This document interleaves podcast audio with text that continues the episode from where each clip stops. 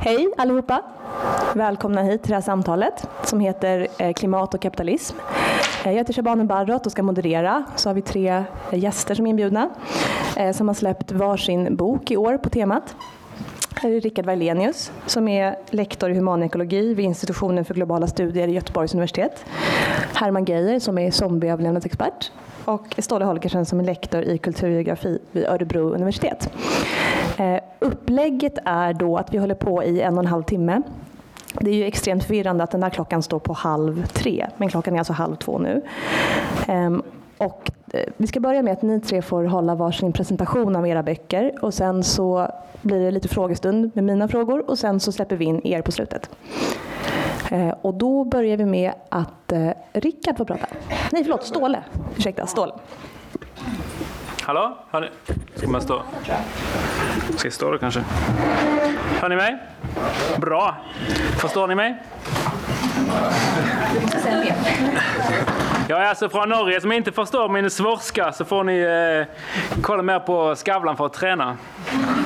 All right, tack så mycket för att vara här. Tack till arrangörerna av den här fantastiska konferensen. Tack till Rickard som eh, samlade ihop den här gängen. Och tack för er att ni är här. Väldigt, väldigt trevligt att vi har eh, så många marxister och kamrater samlade på en konferens. Fantastiskt. Så, jag ska prata 12 och ett halvt minut om eh, den här boken, Krisernas tid, som handlar också om eh, begreppet och fenomenet kris genom historien. Och speciellt då under kapitalismen och speciellt då nu. Och jag ska inte göra någon lång historisk eh, översikt, men kort kan man säga att begreppet var ganska centralt under antiken, sen försvinner det under medeltiden. Det, det används lite i medicin, okej okay, fine, men sen återkommer det på 1600-talet, 1700-talet och inte minst 1800-talet. Och det återkommer alltså när kapitalismen träder fram som den nya produktionsformen på jorden. Och det är ingen slump. Övergången mellan feudalismen till kapitalismen var en turbulent process. En väldigt turbulent, väldigt våldig, väldigt extrem process som behövde beskrivas med några ord. Och kris blev alltså använt för att beskriva övergången. Det var såklart feodalsamhällets fall, det var eh, adelns hegemoniska liksom, kollaps, det var teknologiska, politiska revolutioner. Okej, okay, fine, begreppet kommer när någonting extremt ska beskrivas. Okej, okay. sen kan man tänka sig när den här nya produktionsformen då är satt, när det här nya systemet liksom är implementerat, behöver man begrepp då? Skulle man kunna tänka sig liksom att när kapitalismen hade funnit sin plats och blivit det nya hegemoniska systemet så behöver man kanske inte begreppet längre. Ja, alla vi som har otur, oturen och lever på 2020-talet vet ju att så blir det inte. Kanske tvärt emot. Alltså kris har ju för det första inte försvunnit från, eh, som fenomen eller som begrepp i vår, i vår kultur. Och för det andra kanske även blivit viktigare och viktigare även när kapitalismen har utvecklats. Och det är just det min bok försöker att diskutera. Hur har det sig att kapitalismen som den första produktionsformen någonsin eh, producerar kriser nödvändigtvis. Och jag pratar om ekonomiska och ekologiska då. Och behöver de här kriserna för att överleva. Okej. Okay. Och innan jag går vidare må jag bara ta en, en kort ting som är en definitionsfråga. För många av de här begreppen som kommer att användas på den här konferensen och den här panelen används ofta utan definition. Och vad betyder egentligen kris? Alltså begrepp används ju på tusen olika sätt överallt hela tiden, ofta utan definition överhuvudtaget. Låt oss åtminstone försöka att reda ut vad vi pratar om. Min definition är så här. En kris är någonting som är nödvändigtvis beroende av tre ting av tre moment. För det första, en händelse som kommer relativt snabbt. För det andra, den här händelsen är grundad i underliggande strukturer. Och för det tredje, negativ påverkan på människor eller natur. Okej. Okay. Så de kommer relativt snabbt. Utan den så kan det vara all möjlig form, form av permanenta problem. Grundad i underliggande strukturer. Utan den så kan det vara slumphändelser och negativa effekter på människor. Utan den ska vi prata om ting som är bra för människor. Okej, okay. så med den här definitionen då så måste vi förstå att allt är inte kris. Fattigdom till exempel behöver inte vara kris, men det kan vara det. Det kan vara relaterat till kris. Eh, och att kriser nödvändigtvis handlar om både händelser och underliggande fenomener. Alltid. Det är per definition. Okej. Okay. Så det är min bok. Om jag ska väldigt kort ska försöka se vad den handlar om, så handlar det om två ting. För det första hur kapitalismen skapar kriserna. Och för det andra hur kriserna skapar kapitalismen. Och jag har bara eh, några minuter kvar, så jag tänkte att babbla mest igång på den sista delen där. Hur krisen skapar kapitalismen. Så för de som kom hit för att väl höra mig prata om profitkodens fallande tendens en gång till, så, eh, eller överproduktion, så må jag, eh, jag göra lite besvikna, men ni kan läsa kapitel 2, och 4 och 6 i boken. Men eh, så låt mig bara den sista minuten prata om andra delen då av krisaspekter också, för den kanske hänger mest ihop med vad vi ska prata om sen. Hur kriserna skapar kapitalismen. Så, vad gör den härskande klassen när den härskar? Är fortfarande världens bästa boktitel någonsin. Och svaret här på nere på sin boktitel från 78 är i grund och botten reproduceras herreväldets ekonomiska, politiska och ideologiska relationer. Och för att konkretisera det här har marxister diskuterat detta genom olika ingångar. Det handlar inte såklart inte bara om utvidgad reproduktion i volym 1 eller liksom reproduktionsschema i volym 2. Det handlar också om en social, ekonomisk, eh, eh, kulturell, ekologisk, politisk kontext. Och då har marxister pratat om ideologi, ekonomisk makt, statens roll, social reproduktion, produktion av rum, rasism, kapitalism, imperialism, förstörelse av natur etc. Hur passar kriser in här? Hur kan kriser komma in här? Som en viktig del för att förstå reproduktion, reproduktion av kapitalismen. För till att börja med låter det lite kontraintuitivt. Om, kap, om, kapitalismen består av ekonomisk liksom, tillväxt och eh, kapitalackumulation så är ekonomiska kriser ett brott med det. Och om kapitalismen behöver eh, na använda naturen på något sätt för att överleva, kan den överleva genom att förstöra naturen? Och svaret här är alltså, den gör exakt det. Och här måste man förstå att kapitalismen är exakt så motsättningsfull. Vi måste förstå kapitalismen så motsättningsfull som den är. Så när jag läste, ju mer jag arbetade med de här krisernas historia och kapitalismens kriser, så ser man att eh, det finns två andra hypoteser som jag också inte helt köper på vägen och som vi också ska diskutera tror jag. För det första, eftersom den inte samsvarar med verkligheten. För det första, kriserna leder inte till kapitalismens fall. Och för det andra, kriserna är inte fantastiska möjligheter för arbetarklassen eller miljö. Okej. Okay. Detta ska vi pr prata mer om sen. Om jag ska sluta då bara med bara förklara lite snabbt vad jag menar med att kapitalismen, att krisen skapar kapitalismen hur, hur sker det? Vad händer, hur händer det? Vilken kontext behövs för att göra det? Och jag ska bara ta sex eh, korta argument. Det kommer att gå relativt snabbt, så häng med. Okay?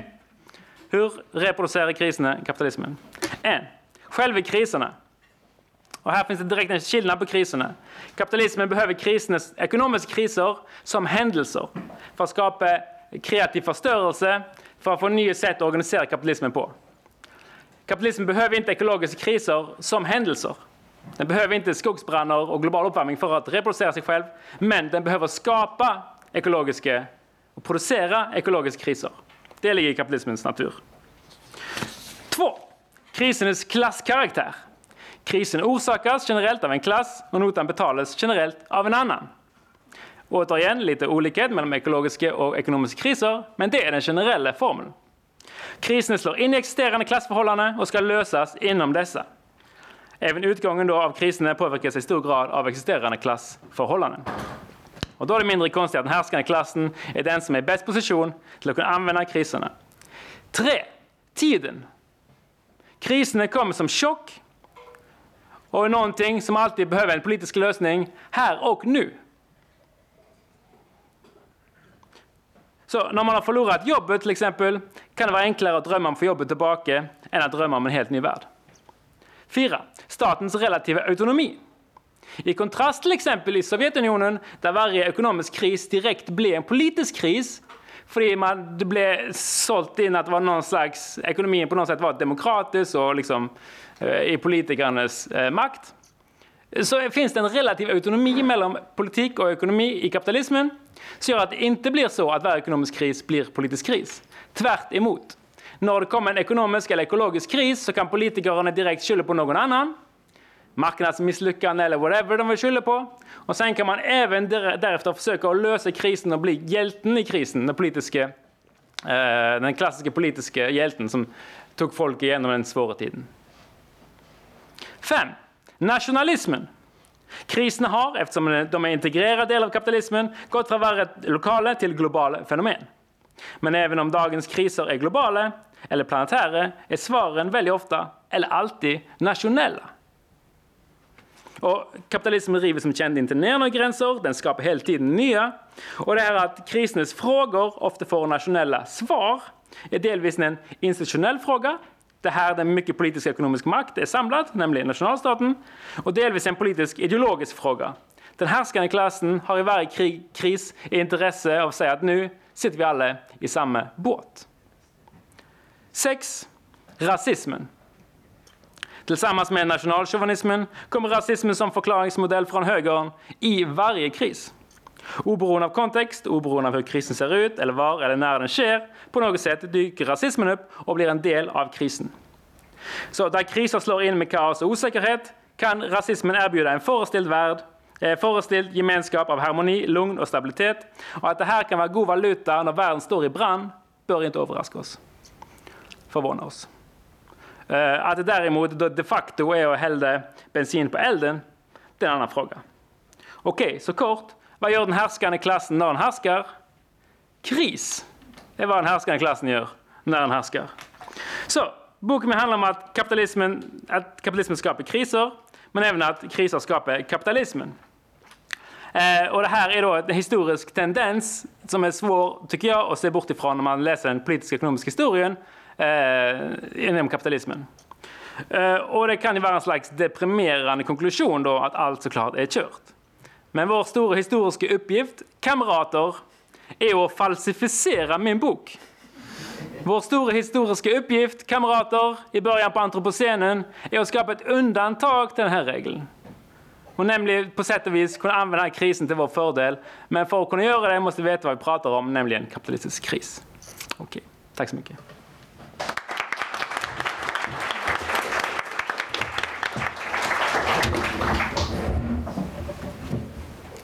Ska jag köra direkt?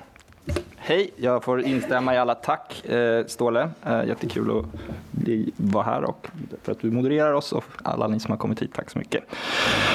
Eh, din bok handlar om kris och på ett sätt, på ett litet ytligt sätt i alla fall, handlar min bok om motsatsen, nämligen vad kapitalismen gör när den inte är i kris, nämligen växer. Och så det som står i fokus eh, är tillväxt och om man så vill ackumulation. Och inramningen som läggs fram i bokens inledning och som sen liksom så styr strukturen på boken ganska mycket eh, består av fyra eh, ganska rimliga och väl underbyggda hypoteser som var och en för sig känns väl, välbekanta tror jag för de flesta av er. Men om de läggs tillsammans eh, skapar ett, ett lite oroligt mönster, en, liksom så här, lite jobbigt. Liksom. Eh, så jag går igenom de hypoteserna lite snabbt. sådär. Den första det är att koldioxidutsläpp eh, leder till klimatförändring och vill du undvika katastrofal klimatförändring så måste alltså eh, utsläppen minska väldigt snabbt. Och eh, ja, IPCC till exempel pratar om att utsläppen måste halveras till 2030 och vara i princip noll 2050, som 28 år.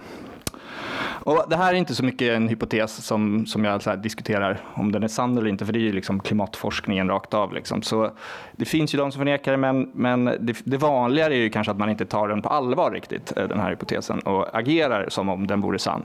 Eh, utan liksom fördröjare är väl kanske ett vanligare problem än förnekare, även om förnekare också existerar. Det är den första hypotesen. Den andra den säger ungefär så här. Ekonomisk tillväxt leder och måste leda till ökade koldioxidutsläpp. Så eh, om man ser på historien eh, så har de flesta länder, eller alla länder på något sätt, eh, när, eller både tagna var för sig men också om man lägger ihop liksom den globala ekonomin, så har ju liksom den, de globala tillväxtsiffrorna haft en mörk skugga i form av också ökade koldioxidutsläpp och ökad naturresursanvändning, ökade föreningar och, och en massa problem har liksom ökat i samma, ungefär samma takt som eh, den ekonomiska tillväxten. Och, eh, så, och, det är ju en ganska vanlig hypotes som många har formulerat och som, det som också då liksom finns eh, empirisk uppbackning för. Den tredje hypotesen det är att kapitalism, vårt ekonomiska system, som det ekonomiska system som dominerar världen, är otänkbar utan denna tillväxt. Eh, och för det finns det också bra Ibland är kapitalismen i kris, men den långsiktiga tendensen historiskt och för varje enskilt eh, eh, kapitalistiskt land och så vidare har varit att eh, eh, ekonomin växer nästan varje år. Några få undantag, när de, de riktigt djupa kriserna. Annars växer eh, ekonomin. Och, så det finns också empiriska belägg för det här påståendet och det finns också teorier om varför det är så. Ja, marxistiska teorier tar gärna utgångspunkt just i ackumulationen och liksom att det här med det som driver kapitalismen är ökad profit, eller hur? Att lägga nya vinster till gamla, expandera produktionen. Och eh, det sker på liksom mikronivå och skalar man upp det på makronivå, på aggregerad nivå, så leder det till ekonomisk tillväxt. Det finns också andra teorier. Så det var den tredje hypotesen. Och så den fjärde hypotesen då, det är att kapitalismen sannolikt inte kommer att falla inom den tidsram vi har på oss för att åstadkomma en drastisk utsläppsminskning. Alltså att den pekar tillbaka på den första liksom, hypotesen då, om att vi behöver en drastisk utsläppsminskning.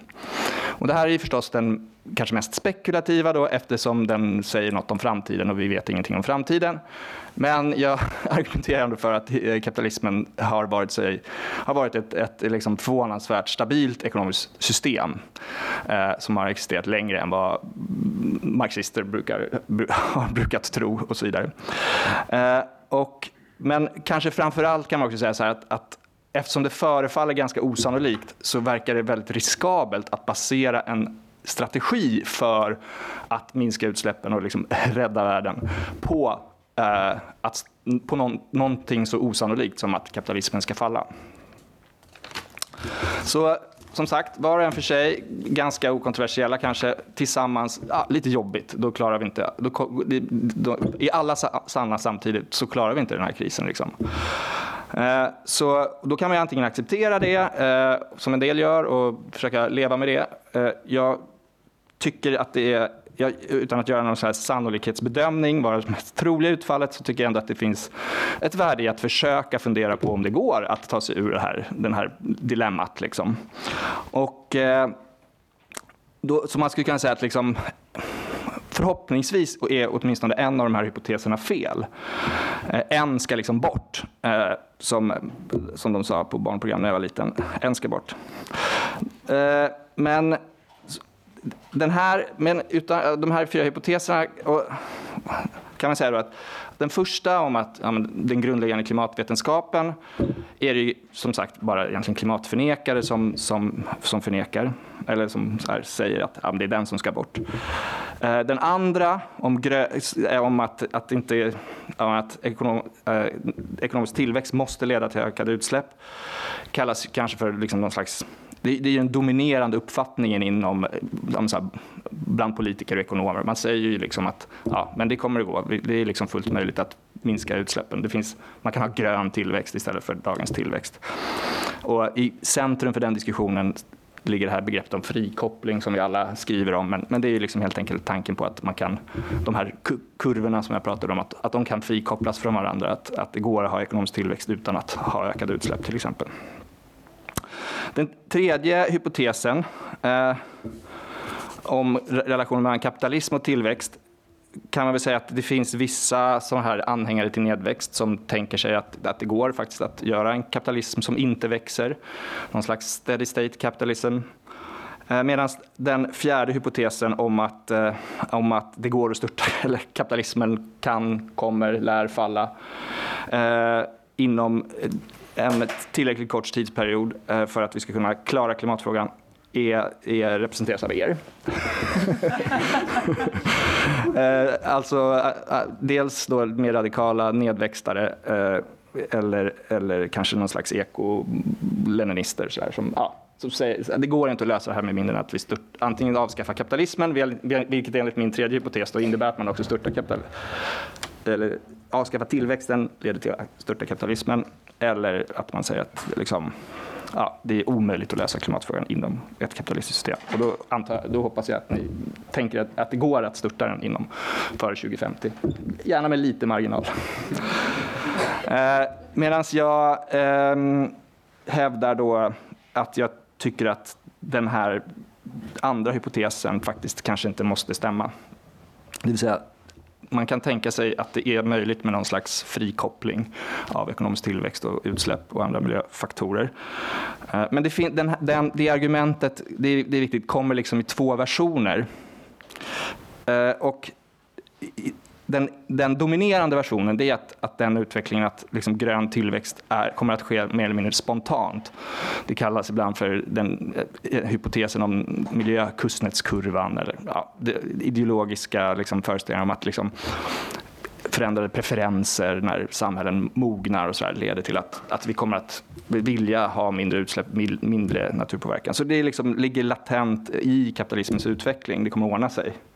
Men det finns en, en annan version som, som säger att eh, eh, den här, en slags frikoppling inte sker om man lämnar kapitalismen åt sig själv, men kan framtvingas genom sociala mobiliseringar genom en starkt reglerande stat som, som på något sätt så genomdriver beslut, regleringar, lagar, investeringar och så vidare. Och liksom, skapar den tekniska utveckling och så vidare som leder till eh, minskade utsläpp eh, eh och som marknaden inte förmår göra själv. Och den utvecklingen kallar jag för grön giv. Den kan kallas lite, liksom, det, det är ett, ett samlingsnamn, men, men den tendensen ger jag namnet i boken i alla fall, grön giv. Ska jag sluta nu eller? uh, uh, så det är väl liksom grunden på något sätt. Sen så struktureras boken utifrån att diskutera de här hypoteserna var och en för sig. Så det är, först lägga, I första kapitlet så finns det beskriva tre olika familjer av tankar där grön giv är en då, som jag nämnde och den andra är grön tillväxt, att det här sker spontant. Och den tredje är nedväxt eh, som, som jag menar är den så främsta kontrahegemoniska diskursen. Då. Alltså om den, debatten främst, främst domineras av, av grön tillväxt så är nedväxt eh, den, den främsta liksom, utmanaren där. Och jag försöker lyfta också att men grön ny giv är ett lite annat sätt att tänka kring det här som förhåller sig lite mer eh, vad ska man säga, ambivalent till begreppet tillväxt. Tillväxt är inte liksom meningen och målet, men kanske blir följden av den typen av investeringssatsningar eh, och liksom statliga satsningar som, som, eh, som förespråkas då inom ramen för en grön giv. Ja, och sen så de följande kapitlet tar upp de här klimatet och vad omställningen kräver eh, på något sätt. Eh, även om man liksom, på något sätt blir ju liksom även IPCC som är föregivet opolitiskt ganska så här keynesianskt eh, gröngiviga när de liksom bara så här radar upp allt som behöver göras, hur mycket som behöver investeras och så vidare för att klara eh, en och en halv gradersmålet. Och sen det tredje kapitlet är en djupdykning i det här med vad ekonomisk tillväxt är och frikopplingsdiskussionen då, som, är, som är väldigt central. Eh, det fjärde kap kapitlet handlar om kapitalismen. I grunden liksom då att kapitalismen är ett, ett argumentation för varför kapitalismen måste växa. Eh, men också, att det, och att, och också en argumentation för att det är ett eh, visserligen väldigt flexibelt system men också har en liksom så här kärna av, av, som är väldigt robust och som har gjort att den, bland annat genom att vara flexibel, har kunnat överleva så länge. Och sen sista kapitlet är lite mer kanske uppbyggligt, lite mer så här vad, vad kan man göra och eh, hur skulle en strategi för förändring kunna se ut och då hämta inspiration i framförallt två begrepp, eh, så här, omdiskuterade vetenskapliga stora begrepp, realism och populism. Tack.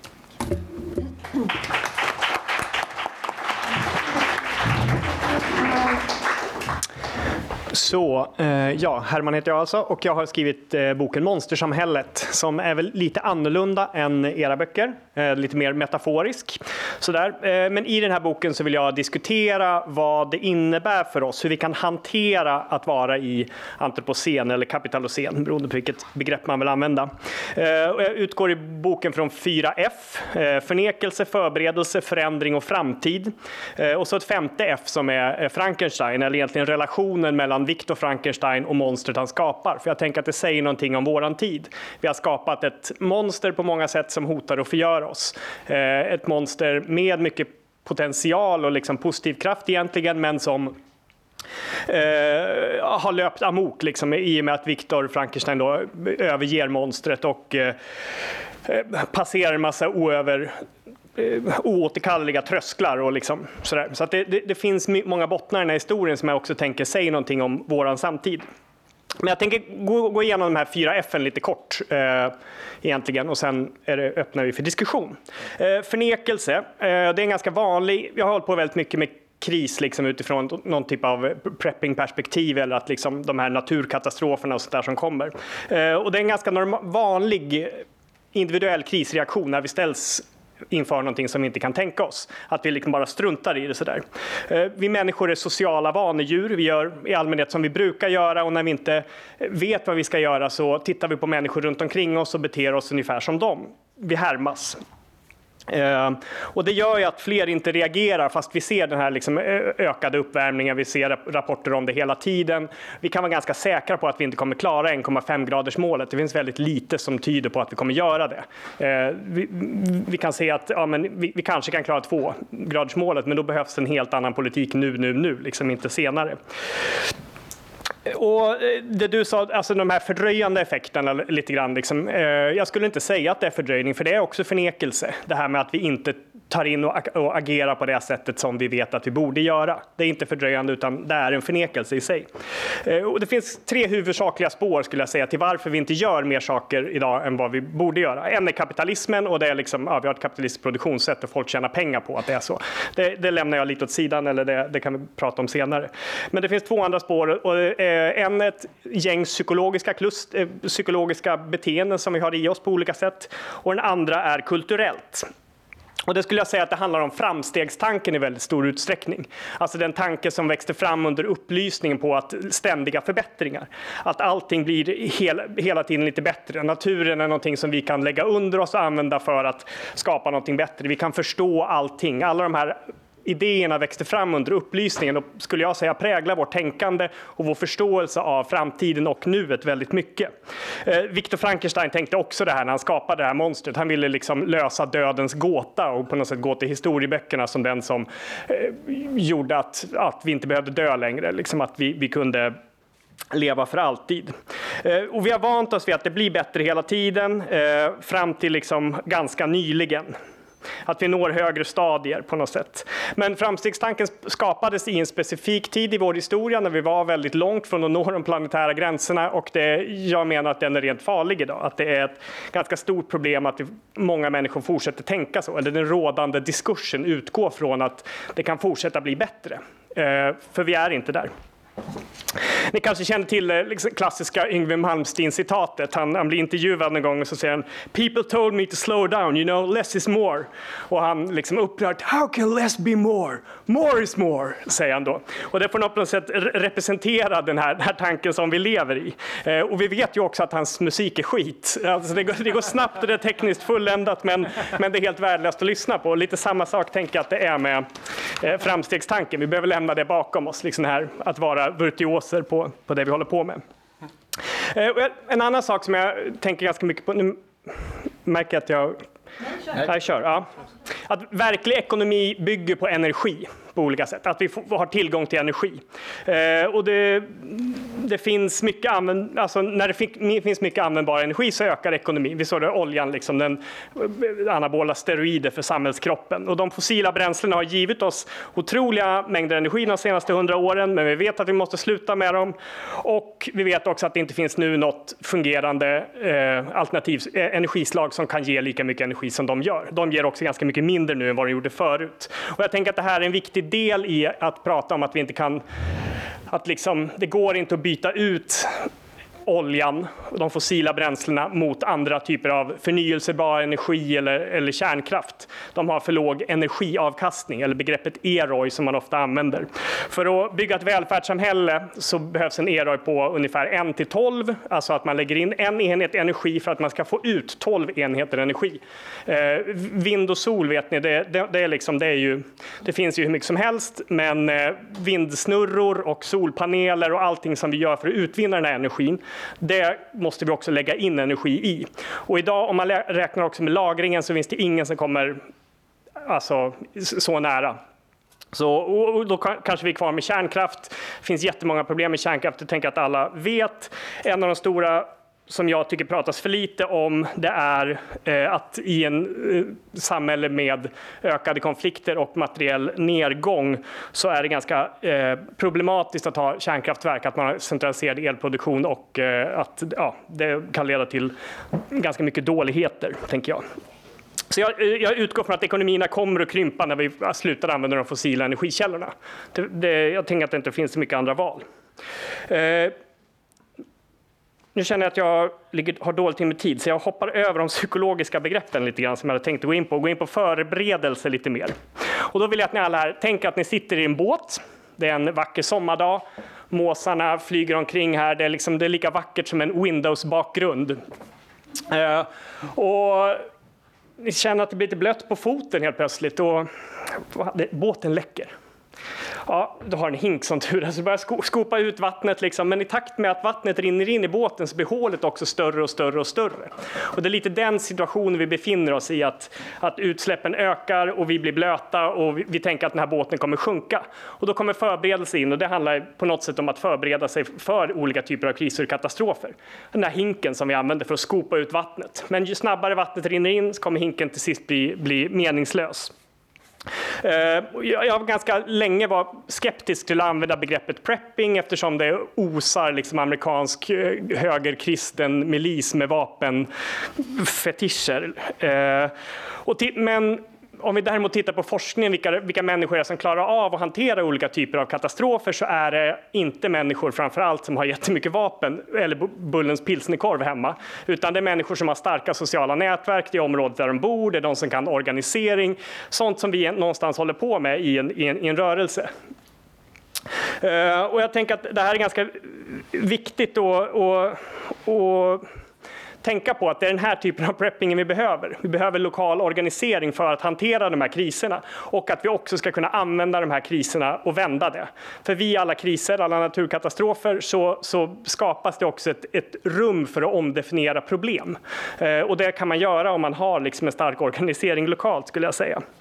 Så, så jag tänker att, här, att vara aktiv i preppingfrågor är lokalt är en ganska viktig del och det finns till exempel ett material som ABF har tagit fram som handlar om just att preppa tillsammans och som lyfter de här eh, lokala frågorna och att man pratar om de här sakerna istället för att tänka att man ska hårda så mycket konservburkar och vattendunkar som möjligt. Och jag tänker att det, det blir en viktig, viktig del i det hela. Nästa F, förändring. Så om vi går tillbaka till båtliknelsen lite så handlar det om att stoppa att hålet blir större eh, och försöka laga det i den mån det går att laga ett hål i en båt medan man sitter där i.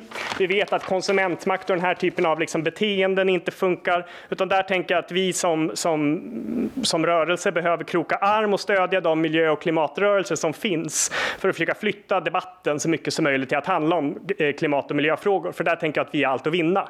Eh, högern har inga svar på de frågorna Eh, kärnkraft, men, men det är liksom inte ens de själva vet, eller de själva fattar också att det är ett ganska dåligt svar.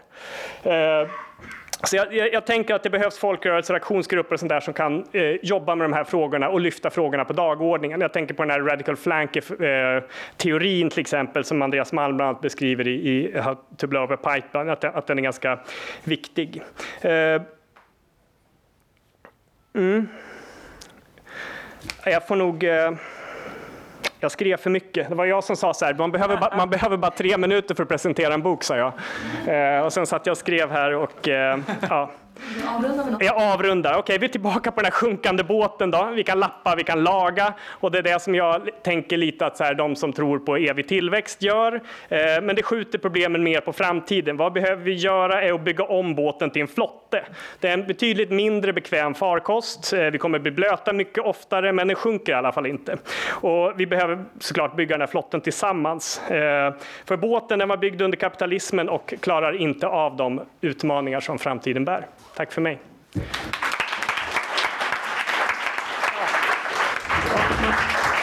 Ber om ursäkt.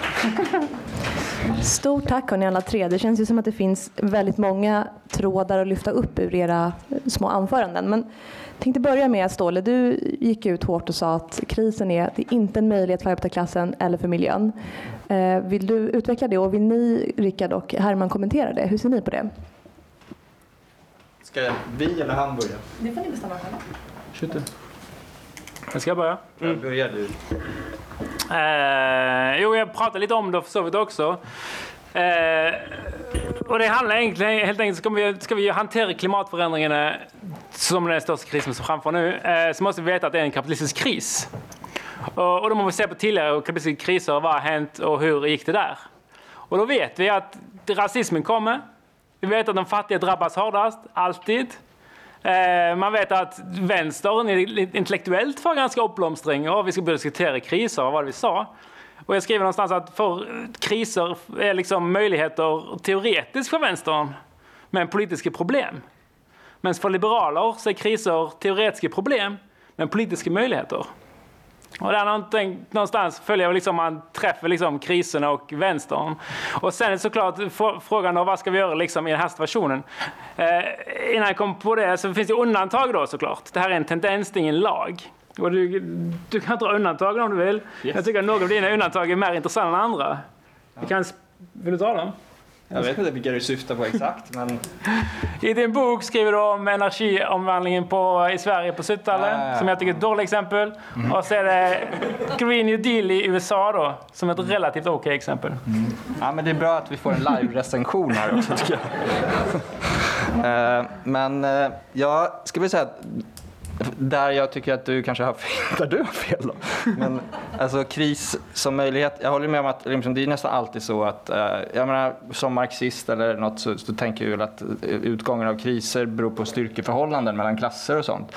Och det är väl nästan alltid så att det är borgarklassen som sitter med trumf på hand och, och bestämmer utgången och lyckas liksom föra över eh, liksom, de ekonomiska och sociala konsekvenserna av en kris på arbetarklassen. Så är det ju om man räknar statistiskt. Men, men det innebär inte att det måste vara så. Jag tycker nästan det är lite väl pessimistiskt där. Att det också har, finns exempel från historien på kriser som har använts till bra grejer. Och det stora är ju just eh, liksom 30-talskrisen ändå, som eh, visserligen ledde till lite olika responser på, liksom, i olika länder, men också väldigt bra grejer. Eh, som eh, New Deal-politiken just i USA och eh, folkhemmets framväxt i Sverige och så vidare, som ju var liksom, ja, den typen av eh, Eh, responser på en kris som jag förespråkar och som jag liksom förespråkar då på äh, motsvarigheten av i liksom en, en grön giv, liksom, liksom, även på den ekologiska och klimatkrisen. Så där tycker jag att det är viktigt att, att tänka sig tänka även kriser i termer av, av maktförhållanden, vilket jag kanske tycker att du inte riktigt gör, utan bara utgår från att alltid är dåligt. Eh, men eh, sen så kan jag också säga så här att din strategi då eh, ett övergångsprogram. Eh, vad är det om inte ett sätt att framkalla en kris? Vad, har, vad, har liksom, vad är strategin bakom det traditionella trotskistiska övergångsprogrammet? Det är ju liksom att frammana kapitalismens motsättningar, driva det till en punkt där det, ja, och sen så i bästa fall socialismen, ganska ofta misslyckade revolutionsungar. Eh, så det, men, där tycker jag också det finns en liten motsägelsefullhet. ja. jag... nu måste du få bemöta det. Ska jag svara på den då? Ja, gör det. Uh, 30-talet är intressant eh, som undantag till att kriser är liksom alltid dåligt för vänstern och arbetarklassen. Eh, men intressant som undantag, kom ihåg det, i några länder. Och det är också ganska komplext egentligen om det är krisen som gör att vänstern går fram, eller om det är en generell av att vänstern går fram generellt på den här tiden såklart. Okay. Sen, hur hanterar vi liksom då hur ska vi hantera krisen? Och jag är ju revolutionär socialist. Och det är ingen anledning till att inte vara det när det kommer kris. Alltså kris, och jag förstår, din bok är ett perfekt eh, liksom, eh, exempel på min hypotes. Att kriser gör det svårare att vara radikal. För när du säger liksom, eh, varför kan vi inte tänka revolutionärt? Så säger du, för vi har inte tid. Det är det som är krisens problem. Krisen kräver ett svar här och nu. Och då går man direkt in för det som är mest realistiskt innanför liksom dagens hegemoniska system. Så är vi fångat. Och där är vi liksom. Och det tycker jag som revolutionär socialist är ett problem. Och vi måste veta att kriser är sån för att kunna göra något annat med dem. Annars blir vi fångat där om och om igen, just i den fällan. Okej, okay, så min ingång till kris då, eftersom kriser både är händelser och underliggande strukturer så måste en socialistisk, ekosocialistisk radikal strategi också ha en kortsiktig krishanteringsplan. Och det har inte revolutionära vänstern. Det enda vi har när det kommer kris är keynesianismen. Det enda vi, liksom våra partier säger liksom, när det kommer kris är investera. Och det är ett massivt problem för den radikala vänstern. Det är ett massivt problem att vi inte då klarar att tänka längre. Så det är en utmaning. Liksom. Och det här, jag, jag pratar om övergångsprogram eh, liksom, och liksom, eh, icke-reformistiska reformer. Det är liksom just sådana tankar måste vi redan tänka redan nu. Vad ska vi göra när det kommer kris? Både med tanke på relativt långsiktiga programmer, men även där och då. Vad gör vi där och då? Hur ska vi liksom lösa problemen där och då? Och då handlar det såklart om att veta exakt hur högern kommer att slå kriserna mot de fattiga, mot rasifierade etc. Och ha en motstrategi direkt. Som handlar om att slå direkt mot den härskande klassen, mot de rikaste etc. Så det är det där jag menar att man ska ha en radikal ingång till kriserna. För om nu blir det fara för att vi bollar för mycket med revolutionsstrategi här. En svaghet med din bok. Yes. vi är egentligen väldigt goda vänner, om man säger det. När du snackar om att vi inte har tid till att kapitalismen ska falla så tycker jag att det här är kärnan i problemet. För jag håller helt med. Kapitalismen kommer kanske inte att falla om 40 år. Men du framställer problemet som om Rosa Luxemburg inte fanns som om liksom övergångsprogram inte fanns, som om icke-reformistiska reformer inte fanns. Som om liksom, rev, rev, oss som jobbar för revolution jobbar alltid också för reformer. Mm. Det är sånt, liksom, förutom knäppskallar då såklart, de sitter någonstans. De flesta av oss som är revolutionära jobbar ju dagligen för reformer som ska ta oss in i ett nytt samhälle. Och det är just den vägen vi måste gå också i krisen. Är min liksom, ingång till krisen då. Snarare än då bara acceptera ramen och acceptera kapitalismen. Och, för det kommer att få konsekvenser på många sätt. Ja, jag måste. Eh, ja, eh, jag tänker att de plötsliga kriser som uppstår, eh, det kan vara ekonomiska kollapser som i Argentina 2001 i december eh, som ledde till ett enormt socialt uppsving. Det var enorma sociala rörelser, man avsatte presidenter och det långsiktiga blev väl kanske att det blev någon sorts lite mer socialdemokratisk hållning där, eh, om jag kommer ihåg det rätt. Så att det, det, det, kan ju hända liksom också att revolter eller kriser leder till organisering och spontan organisering där inte socialistiska partiers övergångsprogram är särskilt viktiga utan den, den spontana folkliga liksom, upproret som kommer.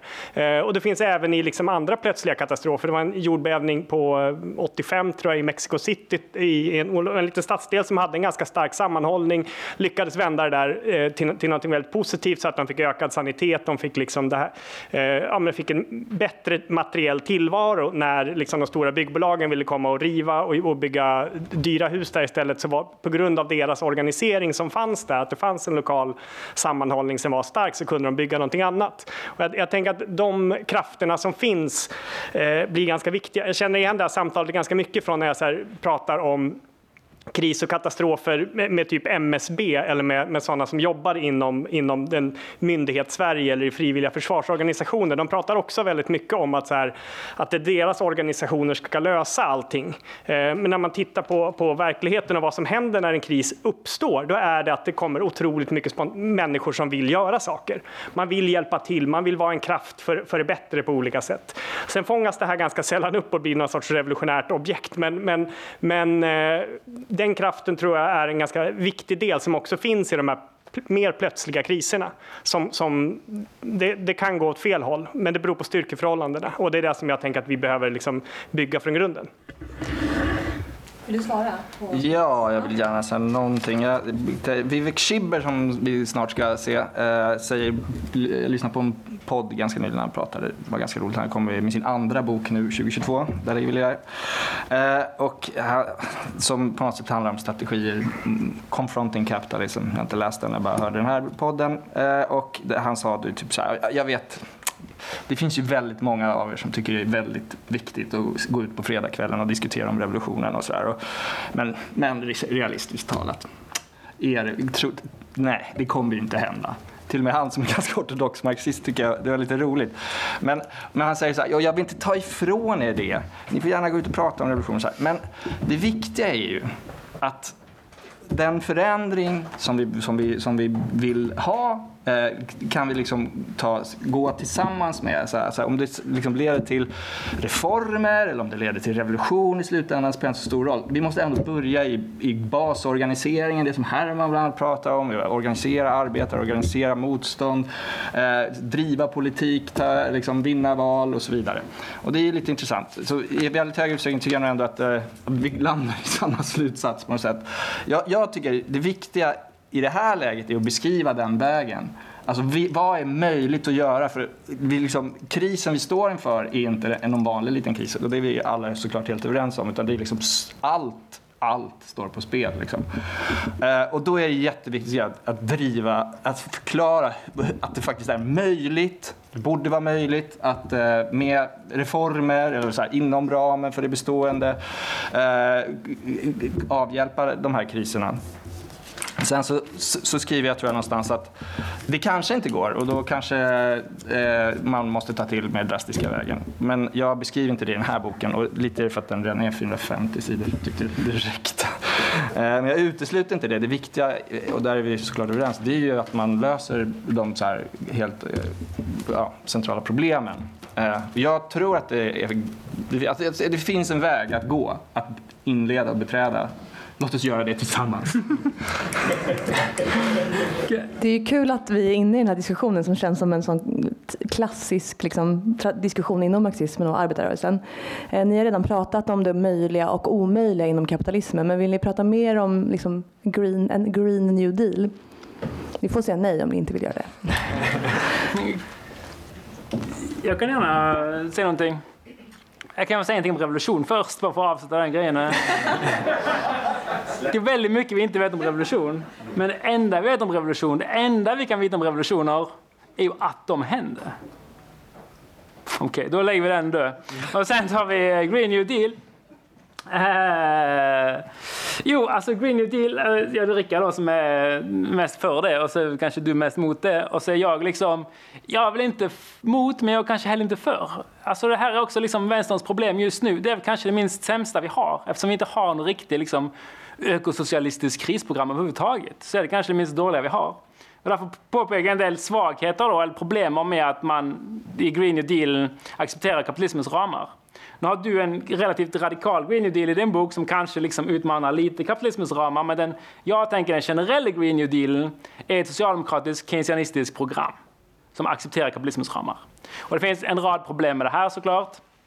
Eh, ja, jag ska inte gå ihop på alla, men en ting som är intressant från mitt perspektiv då med ekonomiska och ekologiska kriser är att de här två kriserna har liksom sina egna liv. De är relativt eh, sammankopplade genom våra kapitalistiska kriser. Men de, de går, ekologiska kriser går lite så här och ekonomisk kriser går lite så här. Men varje gång det kommer en ekonomisk kris så slutar man tänka på ekologiska kriser. Och varför är det så? Det är ingen slump. För att prata med ganska stora ord då. Den härskande klassen måste lösa ekonomiska problem för att kunna reproducera sig själv som härskande klass. Punkt slut. Den härskande klassen måste inte lösa ekologiska problem för att reproducera sig själv som härskande klass. Så om man accepterar alla ramarna i, i klimatkampen, i klimatkrisen, så vill man varje gång man kommer till en ny ekonomisk kris, måste pausa den ekologiska kampen. För man måste rädda ekonomin först. Det är ett av flera problem med Green New Deal om man inte gör den tillräckligt radikal. Vill du, Ja, men det är lite, men jag, jag tror att det, och det handlar om att vi har svårt att hålla två kriser i samtidigt i huvudet samtidigt. Eh, när, när, corona kom så blev ju också alla, liksom, alla rörelser, väldigt mycket av pratet kring, kring klimatfrågor och biodiversiteten, liksom energifrågor försvann i väldigt stor utsträckning. Vi hade en, det fanns en jättestor öppning där när vi ändå fick en väldigt stor förändring i våra liv eh, som var väldigt destruktiv på många sätt. Eh, att, att liksom föra fram de här frågorna mer, men det, det misslyckades. Så jag, jag tror inte bara det handlar om eh, ekonomin där utan, utan också att det är svårt att hålla två kriser sam, samtidigt. Eh, även om mycket av diskussionen handlar liksom om, om sysselsättning och, och en dräglig tillvaro för, för människor så, så var det ändå sjukdomen som var den stora biten, tänkte jag. Men ja, jag, jag, är inte så intresserad av Green New Deal egentligen. Eh, överhuvudtaget. Men, men är lite, lite inne på samma spår att det är, så här, det är, det är kanske det minst dåliga inom det rådande systemet.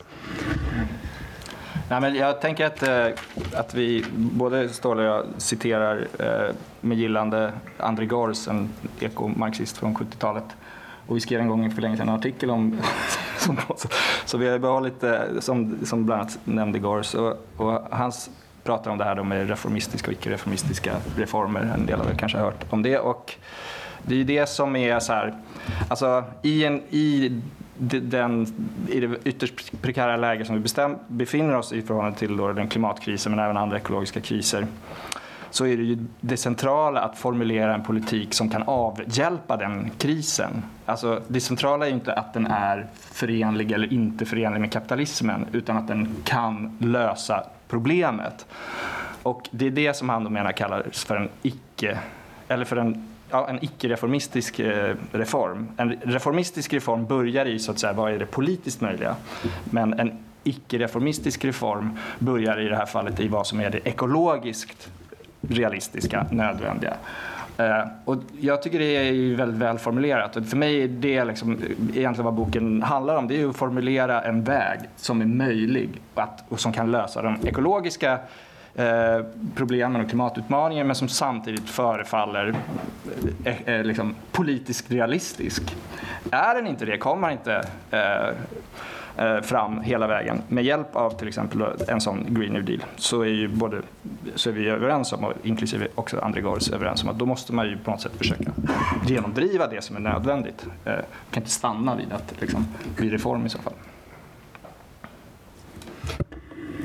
det jag tycker är mest problematiskt med liksom, den nya gröna given är väl egentligen att man utgår från liksom att det finns energi på samma sätt som det gör idag. Mm. Eh, och det, det, är många som pratar om det som att det bara, bara går att byta ut, det är bara att elektrifiera. Liksom. Mm. Det är inte bara att elektrifiera. Eh, det funkar inte så. För att om man tittar på mängden med energi som används så är den så hög, att, alltså som är fossil, som vi ska, måste sluta med, att det, det går inte att behålla samma typ av materiell standard som vi i, i väst i stort eller liksom den rikare delen av världen har idag.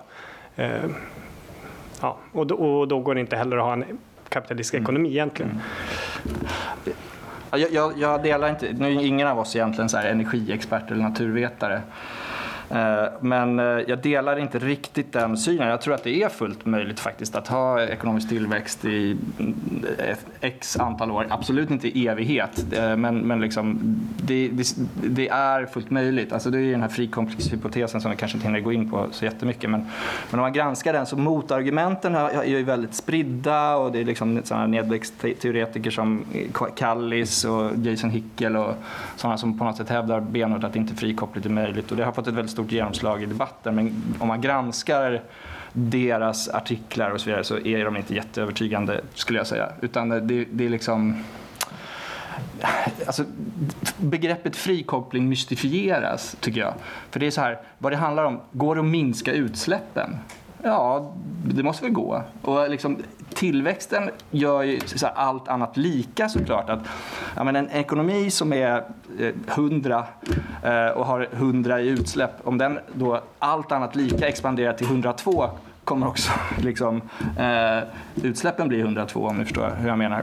En procentuell tillväxt. Men det, vi måste ju ändå, vi vill ju inte ha en ekonomi som är noll, eller hur? Men vi vill ha utsläpp som är noll.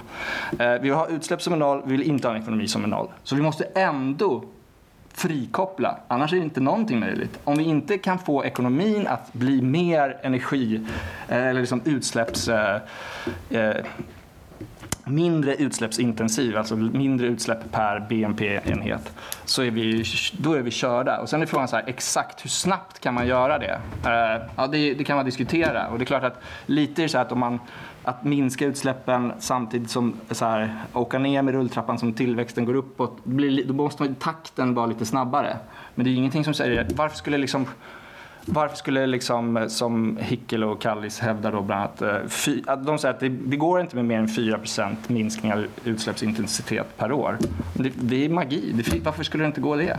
Lägg ner kolkraftverket. liksom, lägg ner alla kolkraftverk nu så har vi en massiv frikoppling. Varför skulle inte det vara möjligt? Ja, jag tycker det, ja.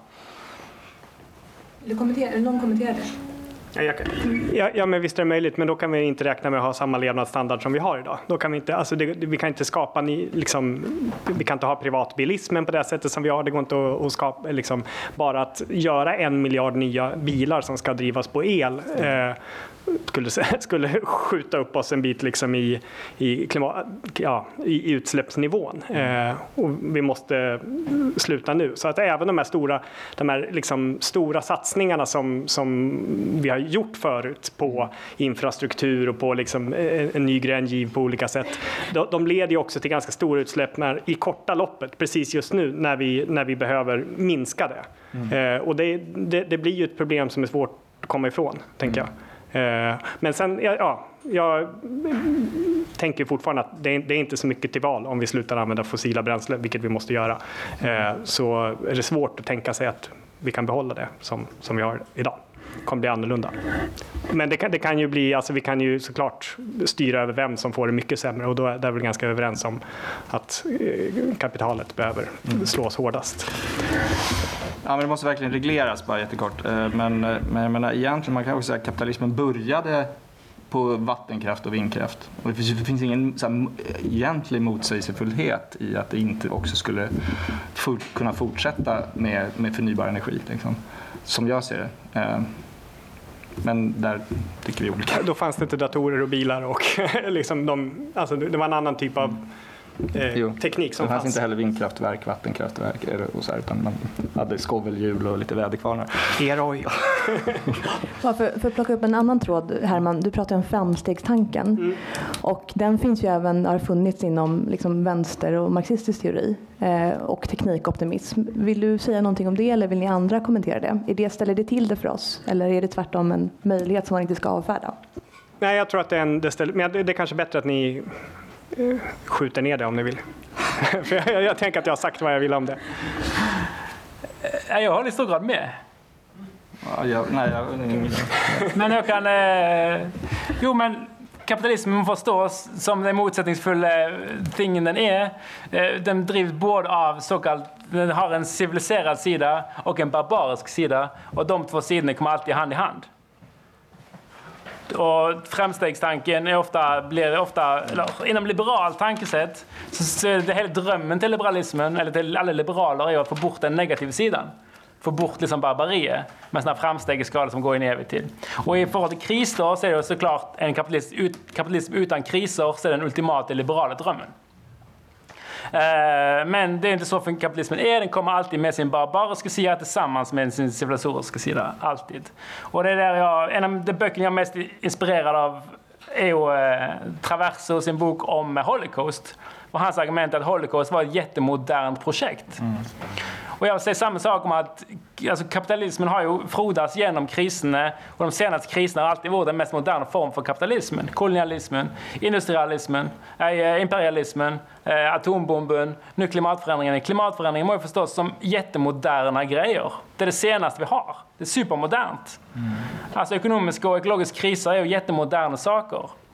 Och det är där jag håller helt med att där idén om att framsteg, liksom idén om att det finns något progressivt i kapitalismen som ska tas vidare på något sätt, måste vi ta bort, ta bort helt enkelt. Vi kan aldrig frigöra det progressiva i kapitalismen från det reaktionära. Och därför måste kapitalismen som sådan, som helhet, kritiseras. Mm. Mm. Det håller jag med om. Men jag, jag, ser nog kanske modernismen och framstegstanken som någonting som inte bara omfattar kapitalismen. Som med, socialismen är också en, en slags barn av samma tidsanda. Och, och grunden är ju liksom att använda vetenskap och förnuft till att utveckla samhället. Och det kan eh, uppenbarligen leda till Auschwitz. Men det är liksom svårt tror jag, att stoppa tillbaka eh, liksom det, den, den leksaken i, i lådan och, och glömma det. Jag, jag tror liksom att, att ja, men, det är liksom applicering av vetenskap har skapat, eh, eller på, på ekonomin och så här, under kapitali kapitalistiska betingelser har skapat klimatkrisen. Men jag tror heller inte att det liksom går att lösa klimatkrisen med mindre än att vi använder samma vetenskap. och Så, här. så det, det är väl eh, ja, jag är kanske inte riktigt lika kritisk till de här begreppen som, som det är. Jag tror liksom inte riktigt det går att, att överge. Sen så behöver, kanske man så det finns ju en inriktning som heter ekologisk modernisering som är, så här, är otroligt entusiastisk inför möjligheterna att använda ny teknik och AI och kärnkraft och, och allt möjligt. Att det liksom, som pratar om det här med antropocen som ett positivt projekt. Att nu äntligen kan människan styra hela universum eller liksom planetens rörelselagar. Och så, här. och så långt skulle jag inte gå eh, riktigt kanske. Men jag tror att vi behöver använda vetenskap och förnuft för att, liksom lösa de kriser som vi befinner oss i. Men, men det jo, intressanta är ju att, att kapitalismens perverterade användning av liksom, vetenskap eh, behöver vi övervinna på ett eller annat sätt. Men, men vetenskapen i sig eh, är ju till största delen positiv tycker jag som forskare. Vad tycker du? Jaha. Du tycker att du gör ett bra jobb på jobbet? Nej, den är inte positiv i sig. Den är heller inte negativ i sig, men den används såklart inom klassrelationer. Och då får den ofta negativa uttryck, men den kan också få positiva uttryck. Det är såklart, jag är inte emot liksom, vetenskap eller att göra smarta ting i sig. Det skulle vara absurd. Men den här diskussionen kan bli rätt ganska filosofisk då om om man ska se som den klassiska socialisten gjorde, socialismen som en förutsättning på kapitalismen. Eller, och då kan kanske Shaban också komma in här i diskussionen, som Walter Benjamin pratade om att socialismen är ett brott med kapitalismen. Och det kan bli ganska teoretiskt kanske, eller ganska abstrakt, men... Eh, ett brott olika... med kapitalismen, menar du det? Socialism, ett brott med ett, modernismen, eller? Ja, både delar. Ah, ja, ja. okej. Okay. Mm.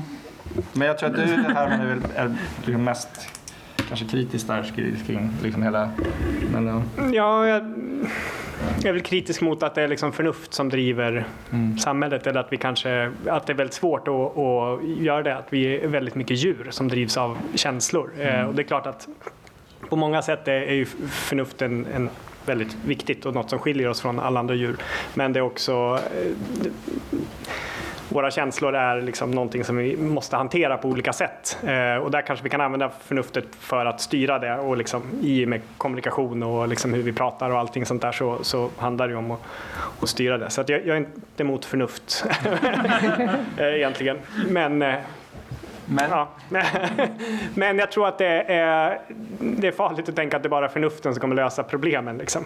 Eh, att de här goda idéerna som vi sitter och har kommer vara det, eller våra, liksom, våra fina program på hur vi hoppas att framtiden ska bli. Det är, det är inte heller det som tyvärr kommer eh, göra det. Eh, utan där är det känslor och andra saker som, som är viktiga. Vi, det här samtalet kommer på nu, det heter ju Från att beskriva världen till att förändra den eller något sånt. Och det, jag, jag vill inte liksom dumpa en vad ska vi göra och fråga på er. Men jag tänker ändå innan vi släpper in publiken, vill ni säga någonting om liksom vägen framåt? Alltså det kan vara en eh, liten spaning eller tanke. Det behöver inte komma med en helhetslösning men vi kanske ska ändå säga någonting om det. Ja, men jag har varit inne på det eh, tidigare, liksom, att organisera utifrån där vi står. Det är en ganska tråkig sak att säga, det alla håller med. Alltså, så här, ja. Eh, men, men, men det är någonstans där och, och, och ja, det är där vi, där vi måste börja. Vi har ing, tyvärr inga revolutionära, revolutionära, revolutionära idéer har vi, men inte revolutionerande som verkligen, så här, eller jag vet inte i alla fall. Ni kanske har det? Uh, nej, jag vill bara kort säga en, en, eh, en, positiv ting, eller en fördel med Green New Deal och keynesianismen i stort är att den klarar att hantera kris som kris. I den att den, den klarar både att ha en slags politiskt program som, är, som går till grunden och som är ganska stort och som kan fungera oberoende av kriserna. Och den har en idé vad som händer när krisen kommer. Alltså en keynesianistisk långsiktig idé av ekonomin och när krisen kommer så vet man vad man ska göra. Investera. Nyliberalismen hade fram till tre, tre veckor sedan kanske en liknande som fördel. Att den hade en idé hur världen ska se ut och den vet precis vad man ska göra när krisen slår. Sänk skatten, avreglera, hjälp till rike. Mm. Men och där, det är någonting där ekosocialister, socialister, kamrater, marxister, revolutionärer måste tänka i samma banor. Vi behöver både en slags långsiktig idé och den här kortsiktiga, vad gör vi, vad slår vi när krisen kommer? Det är väl eh, ingen, ingen väldigt bra svar på det, men det är där vi måste börja tänka socialism i kris?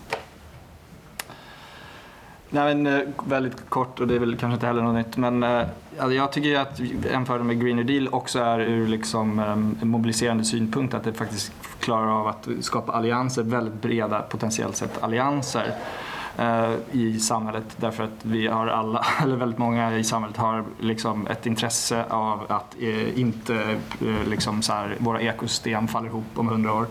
Eh, och också ett intresse av att liksom, eh, ökad liksom, välfärd, sysselsättning, inkomst, jämlikhet och så vidare. Så det, det har potentialen att skapa en bred allians som få andra projekt och eh, det kräver dock en del av oss och jag tycker, det är därför jag liksom lite grann hämtar inspiration ur ett begrepp som populism. Då menar jag inte populism, alltså mer så här det, som det används inom sociologi och sådär. Att, liksom, att identifiera en konfliktlinje eh, som är så här, de många mot de få.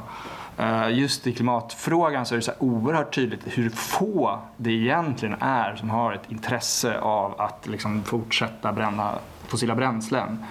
Eh, så man skulle verkligen, eh, om man sätter gränsen där snarare än som kanske miljörörelsen har varit, eh, tenderat att göra, att liksom försöka så inkludera varenda bensin, eller varenda bilist i liksom fienden. Och istället liksom flyttar upp så att fienden är faktiskt det här fossilkapitalet så har man ju faktiskt ganska mycket större chanser att skapa en, en, en, en bred allians. Men det kräver ju lite grann liksom att man kanske också monterar ner en del så här moralistiska, tycker jag ibland, och liksom inställningar eh, och liksom skapandet av moraliska fronter liksom där liksom motsättningen hamnar mellan stad och land istället för mellan folket och eliten. Är, är det någon här ute som har en fråga? Jag, jag vet inte om vi har någon mick eller om det är någon från eh, CMS som är här, men annars får ni ställa er upp och prata högt.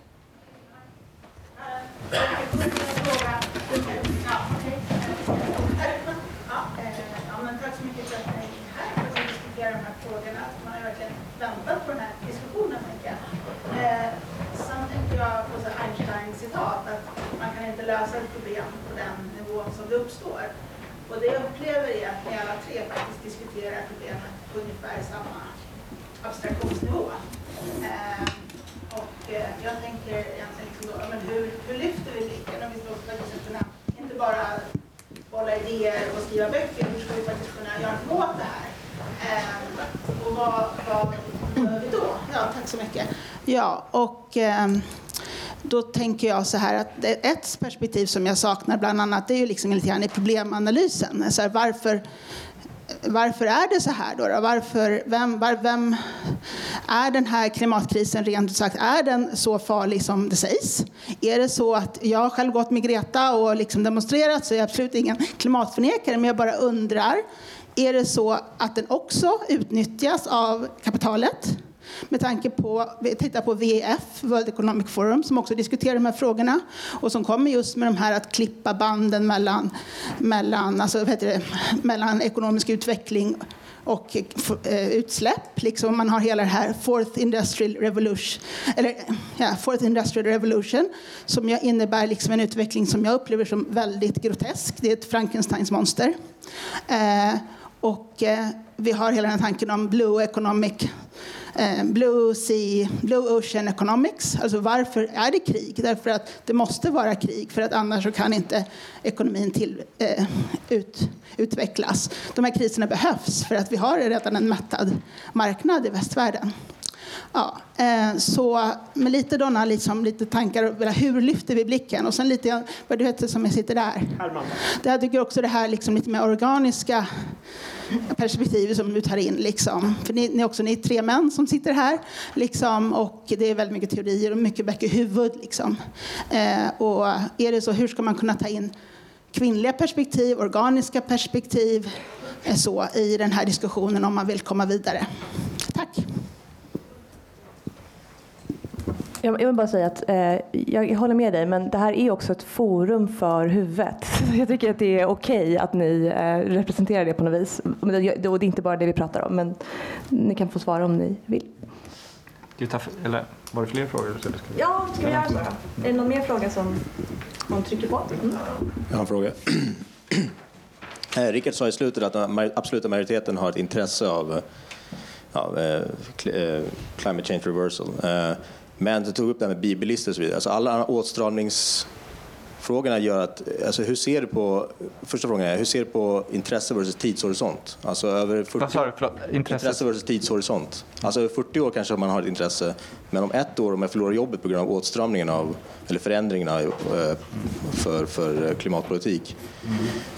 Det påverkar vad intresset är, eller det borde göra det i alla fall. Så hur ser du på de två variablerna? Det är den första frågan. Och den andra frågan är, hur tror du organisering påverkar tidshorisonten? Är den fix? Mm.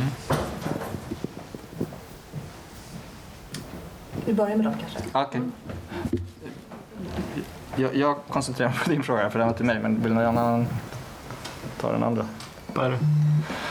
Nej, men jag, jag tänker att det är jätteintressant ju för att eh, vi liksom, har ju en valrörelse bakom oss som inte alls handlade om klimatet säger vi, eh, men, men som ju på något sätt var eh, så här, eh, i- präglades otroligt mycket av, liksom så här, en, det handlade om klimatet by proxy. Ja, men det handlade om exakt sådana åtgärder som vi föreställer oss är nödvändiga för att eh, liksom minska utsläppen inom liksom, en nyliberal kontext. Eh, så det handlade om liksom, höga energipriser, höga bränslepriser och så vidare. Och det visar sig att det har ju haft en viss inverkan på liksom, eh, liksom, eh, konsumtionen. Då. Folk har ju sparat lite grann eh, och sådär och kanske tar, tänker sig för lite extra innan de tar bilen och så här. Eh, så, så, eh, marknadsmekanismer kan ju funka på det sättet men det är bara det att sen röstar folk på Sverigedemokraterna. Och eh, då för att liksom ändå få liksom andra typer, för, för att få stöd och för att upphäva de här höga priserna. Så jag, jag tycker liksom att det är en jätteintressant så här studie i hur nyliberal liksom, klimatpolitik skulle funka. Alltså det skapar polarisering. Så jag måste tänka att vi måste, att, att det är ett ytterligare argument för att vi måste bort från liksom, moraliseringen. Å ena sidan. Å andra sidan blir man ju superirriterad på att liksom, andra politiska partier inte alls verkar ta liksom, människors genuina oro och så vidare på allvar och tror att, liksom, att de bara handlar om att curla konsumenter, liksom, upprätthålla liksom, konsumtionsnivån till varje pris och liksom, så här, lovar det ena och det andra för att sänka skatten. Och så här. Och jag, jag, jag tänker att båda de, alltså en, en politik inspirerad av, av det här som jag försöker beskriva som populism och green new deal och så här, måste ju balansera det. Å ena, ena sidan liksom ge, väcka genuina känslor hos människor och liksom utkräva liksom så här att, eller liksom få dem med på tåget och liksom även kanske så här, ja, men vädja till känslor av solidaritet och framtid och så vidare. Eh, samtidigt som det ju inte får vara så att det, liksom, att det redan är liksom de som är, har lägst inkomster som drabbas värst och så vidare. Så det är liksom rättvisa men också så här liksom, att behandla människor som vuxna är motsägelsefullt. Eh, eh, någon slags eh, populistisk väg tror jag. Och, och, och när det handlar då om till exempel bensinpriser, så här, jag vet inte. Jag, jag tycker vi, det, det finns alldeles för lite studier och marxistiska analyser av vad som händer ute i, i landet och med de som röstar på Sverigedemokraterna och som protesterar. Så här. Men alltså, re- rent anekdotiskt där, när jag pratar med folk liksom, som, känner, som har förankring där ute och landsbygden mer än vad jag har. Så, här. så det är ju liksom, det är väldigt mycket arbetarklassen liksom, och det är inte så här som liksom att man eh, egentligen inte tror att klimatfrågan existerar och sådär. men det är bara att det är jobbigt och det liksom går in i någon slags allmän alienation och sådär. Så, så att, väck, att ha projekt som liksom väcker tankar om framtiden som någonting positivt och som att- samhället återigen blir bättre och, och så vidare, tror jag absolut påverkar den där tidshorisonten och, liksom, och liksom, eh, skakar om lite i de här fronterna som nu existerar. Liksom.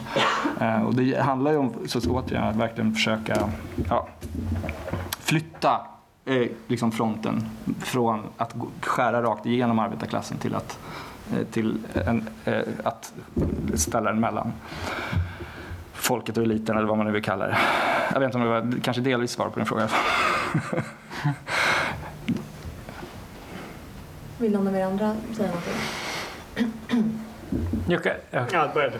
Eh, Eh, på den här, bara ta den, koppla på den här sist eh, först. Alltså det med både, om vi tar inom Vänsterpartiet då, vad som hände med bensinpriserna och vad som hände med Cementa på Gotland.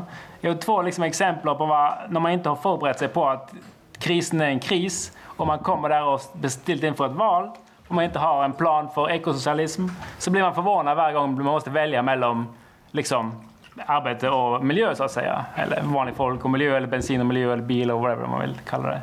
Hade man haft en plan innan där, till exempel okej nationalisera cementindustrin.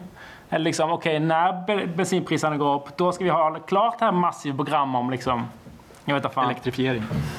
Det tar lite tid, men liksom bussar över hela Sverige, whatever. Att det, att det finns någon plan där direkt liksom den här grejen sker, in, som man har klar liksom när det sker. Då kan man lösa dem på andra sätt än som Vänsterpartiet har blivit fångad liksom i, i krisens chocktillstånd varje gång. Nu och desperat försöker liksom navigera och så kastar man på, kastar sig på liksom bilen och arbetar åt sidan mot miljö. För det, det blir en dilemma när man står där. Och det har man inte tänkt på det innan så är det för sent.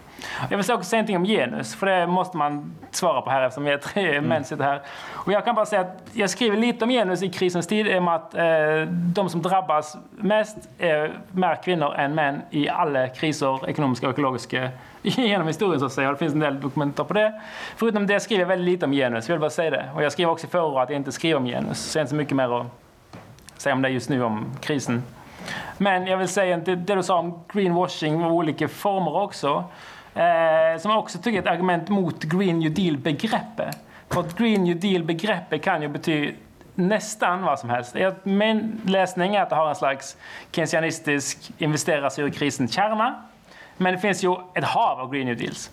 Och om, det här, om klimatförändringen fortsätter, om ekonomisk krisen inte blir löst, om härskande klassen fattar att vi kan inte lösa ekonomisk kris, nyliberala krisen med nyliberala verktyg. Vi behöver faktiskt investera oss ur den ekonomiska krisen. Varför ska inte liksom, även Ulf Kristersson säga liksom att okej, okay, vi ska investera oss ur den ekonomiska krisen. Varför inte kalla det Green New Deal? Varför inte greenwasha som fan och kalla det liksom en slags höger Green New Deal, Green New Deal, stjäla konceptet från liksom sossarna och sen köra den. Och det här är liksom, Green New Deal kan betyda nästan vad som helst. Och ett problem för vänstern och så kallad radikal Green New Deal blir att försöka liksom förklara till världen varför vår Green New Deal är bäst. För det finns ju ett hav möjligheter. Och då tycker jag som en rättroende marxist att det är bättre bara att köra på. Vårt system är, eller vår strategi är ekosocialism. Det kan ingen ta ifrån oss. Den bygger vi vår bas ifrån. Okay.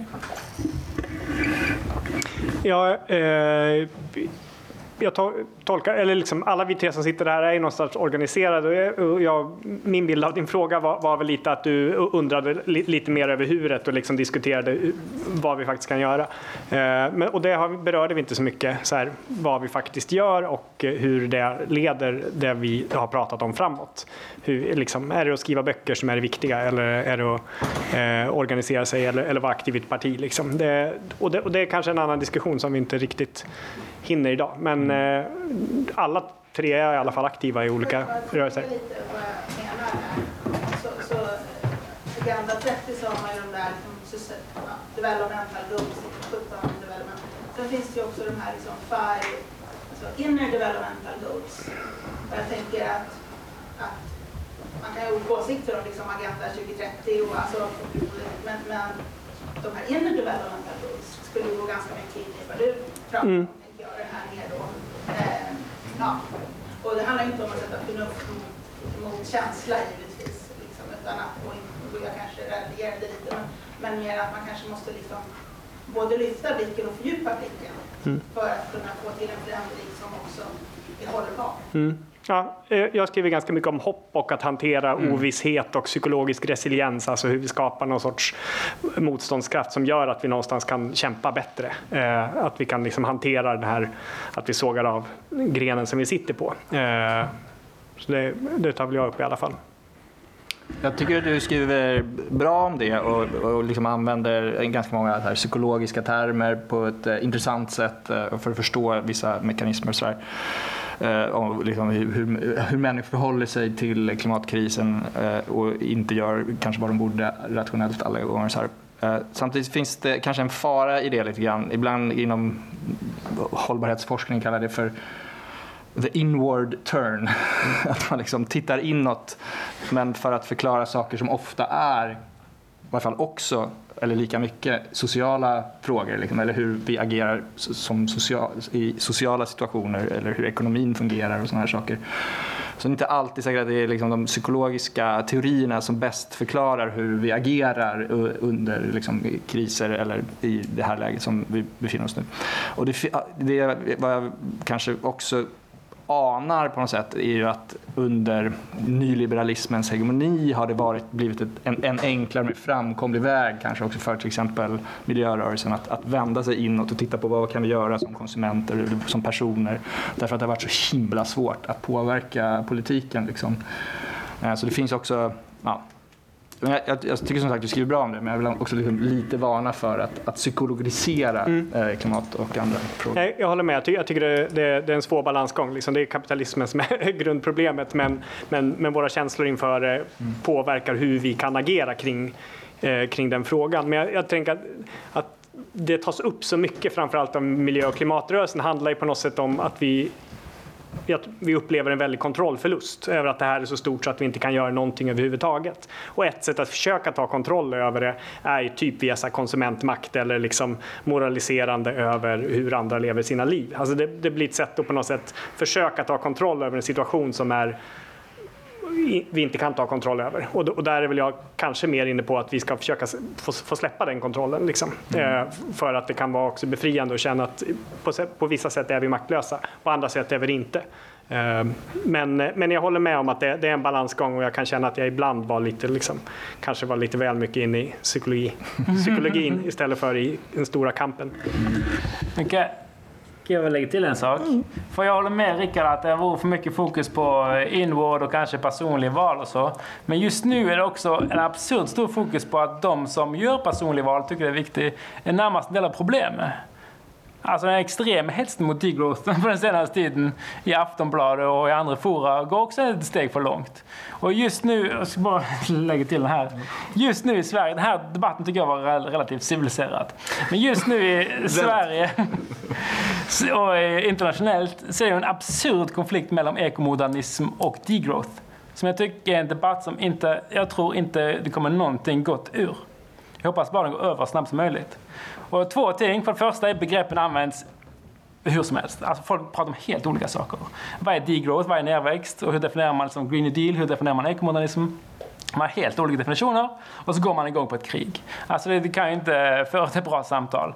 För det andra, det, det, det här är också en konflikt mellan folk som vill basically samma sak i stort, det är. För det andra då, så är det liksom typisk vänstern. Alltså vi har så lite makt som vi kanske någonsin har haft just nu.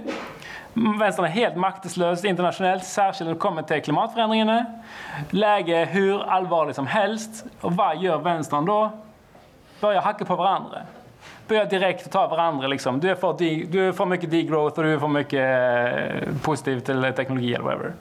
Och det är exakt det vi inte behöver just nu. Så om det här utvecklar sig och eskalerar i Sverige till en ännu sämre debatt mellan så kallad degrowth och så kallad så hoppar jag bara alla ignorerar den här skiten och hoppas det går över ganska snabbt. För det vi behöver är ju ett eh, liksom, parterapi mellan miljörörelsen och den klassiska vänstern. Ja, har vi inte den parterapin och får vi inte den att fungera så är det kört. Det en den parterapin och goda samtal där vi behöver. Tack. Ja, jag var bara jättekort. Eh, det är faktiskt det jag försöker tycker jag, göra ganska mycket i min bok. Jag framhäver liksom att polariseringen har varit väldigt mycket mellan å ena sidan då det jag kallar grön tillväxt, men det är väl ungefär vad du menar med ekomodernism, och, och nedväxt. Och att den, den inte är så konstruktiv helt enkelt, den diskussionen. Den förs liksom bara längs en axel och det rymmer väldigt få nyanser. Och så försöker jag då lyfta diskussionen till att snarare handla om så den ekonomiska regleringen och politiken. Liksom, att, och då lanserar jag Green New Deal som ett sätt att liksom förändra den diskussionen till att handla mycket mer om ekonomisk politik än synen på plus eller minus i BNP. Och, eh, så det är ju mitt försök att lösa den här konflikten och nu har jag ju lyckats med det också och övertygat er såklart om mina ståndpunkter. Så kan vi gå vidare och eh, alla är så less. Jag tror, jag tror faktiskt vi måste sluta där för klockan är snart tre. Eh, era böcker finns ju eh, här ute på ett bord med swish-lappar. Mm. Eh, och stort tack till alla tre och till alla som kom. Mm, tack.